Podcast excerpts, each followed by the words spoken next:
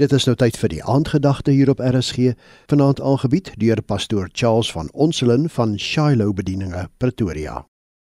Goeienaand, so lekker om saam te kan kuier weer op hierdie lieflike Vrydag aand. Die woord sê vir ons Matteus 5:13, julle is die sout van die aarde, jy is die sout van die aarde, maar as die sout laf geword het, waarmee sal dit gesout word? Dit deug nêrens meer voor as om buite gegooi en deur die mense vertrap te word nie. Nou ja, vanaand is dalk 'n sout aand, vanaand is dalk 'n braai aand waar jy die sout nou net uitgehaal het vir die braai en lekker gaan saam kuier.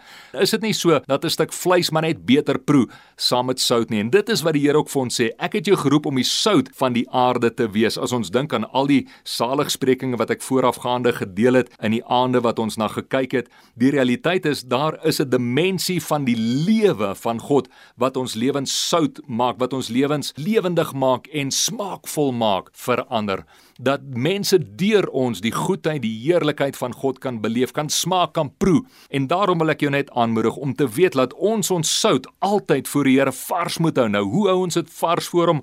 Ons hou dit vars voor hom om seker te maak dat ons in hom bly, in sy woord bly, dat ons hom ken in alle opsigte. Daardie Griekse woord epignosis, werklik 'n diep en intieme verhouding met hom het. In in so Vrydag aand wanneer ons nou dink aan 'n naweek heeltemal net skoene uitskop en ontspan wat goed en reg is, kom ons onthou dat ons nie ons oë moet afvat van hom wat die begin en die volëinder van ons geloof is nie. Mag jy regtig ervaar ook oor hierdie naweek, soos wat die Here homself tot jou beskikbaar stel en soos wat ons altyd so bietjie meer tyd het oor 'n naweek, nê, om net in daardie tyd waar ons so bietjie meer met hom kan stil sit, bietjie langer met sy woord kan sit, bietjie meer kan bid, net die heerlikheid van God daarin mag beleef. Weet dat hy is innig en diep lief vir jou. Weet dat jy is kosbaar in sy oë en dat hy jou as die sout van die aarde daarso gestel het om ook ander mense se lewens te besout as te ware om dit smaakvol te maak vir hulle. Is dit nie so dat die lewe baie keer saai en moeilik en sommer net nie lekker raak nie?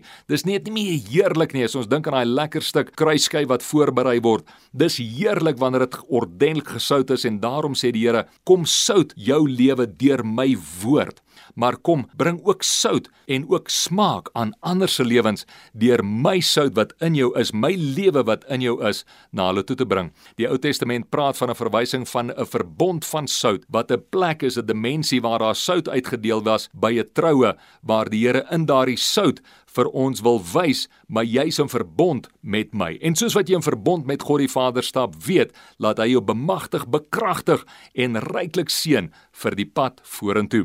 Hoop jy het 'n lieflike aand vanaand. Geniet daardie braai vanaand of dan nou oor die naweek en alle seën en voorspoed vir jou tot 'n volgende keer. Die aandgedagte hier op RSG is aangebied deur pastoor Charles van Onselen van Shiloh Bedieninge, Pretoria.